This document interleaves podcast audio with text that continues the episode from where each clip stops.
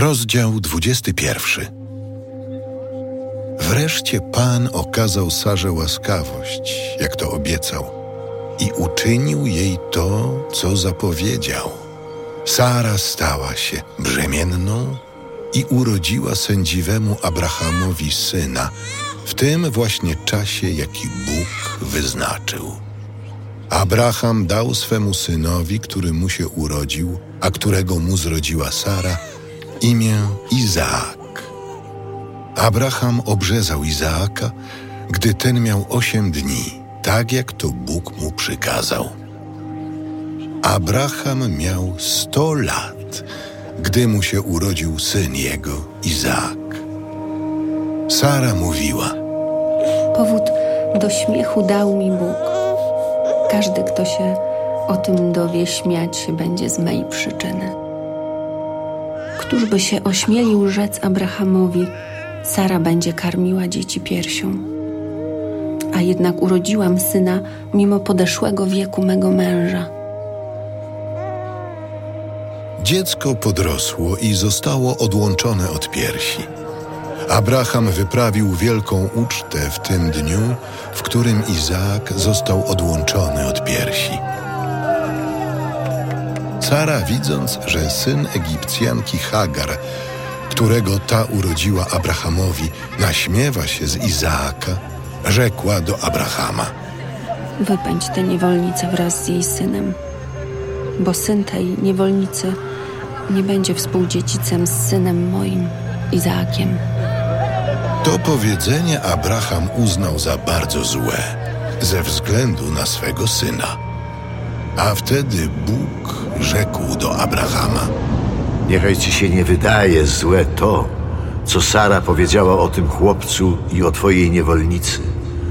Posłuchaj jej, gdyż tylko od Izaaka będzie nazwane twoje potomstwo. Syna zaś tej niewolnicy uczynię również wielki naród, bo jest on twoim potomkiem. Nazajutrz rano wziął Abraham chleb oraz bukłak z wodą i dał Hagar, wkładając jej na barki i oddalił ją wraz z dzieckiem. Ona zaś poszła i błąkała się po pustyni Beerszeby. A gdy zabrakło wody w bukłaku, ułożyła dziecko pod jednym z krzewów, po czym odeszła i usiadła opodal tak daleko, jak łuk doniesie, mówiąc... Nie będę patrzała na śmierć dziecka. I tak siedząc opodal zaczęła głośno płakać.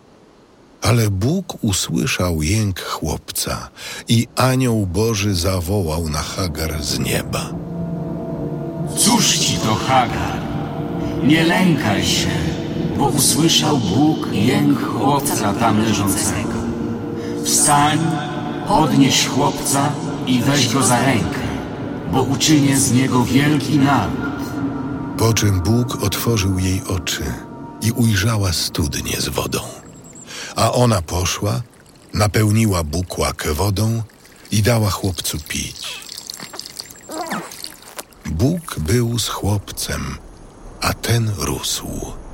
Mieszkał on na pustyni i stał się łucznikiem. Mieszkał stale na pustyni Paran. Matka zaś jego sprowadziła mu żonę z ziemi egipskiej. W owym czasie Abimelek z dowódcą swego wojska Pikolem tak powiedział do Abrahama. Bóg pomaga ci we wszystkim, co czynisz. Złóż mi więc teraz tu, na tym miejscu przysięgę na Boga, że ani wobec mnie, ani wobec mego potomstwa bliższego i dalszego nie dopuścisz się zdrady. Że jak ja obszedłem się z tobą łaskawie, tak też i ty będziesz postępował względem mnie i tej ziemi, na której jesteś gościem. Przysięgam. Równocześnie jednak Abraham zrobił Abimelekowi wymówkę z powodu studni z wodą, zabranej mu przemocą przez ludzi Abimeleka. Abimelek odpowiedział: Nie wiem, kto to uczynił, boś ty mi nie dał o tym znać. Dopiero teraz dowiaduję się o tym. A potem Abraham dał Abimelekowi drobne i większe bydło, i tak obaj zawarli przymierze. Abraham wydzielił nadto z trzody siedem jagniąt. Abimelek zapytał Abrahama – Co znaczy tych siedem jagniąt, które oddzieliłeś osobno? Tych siedem jagniąt przyjmiesz ode mnie, żebym mógł mieć dowód, że to ja wykopałem ową studnię.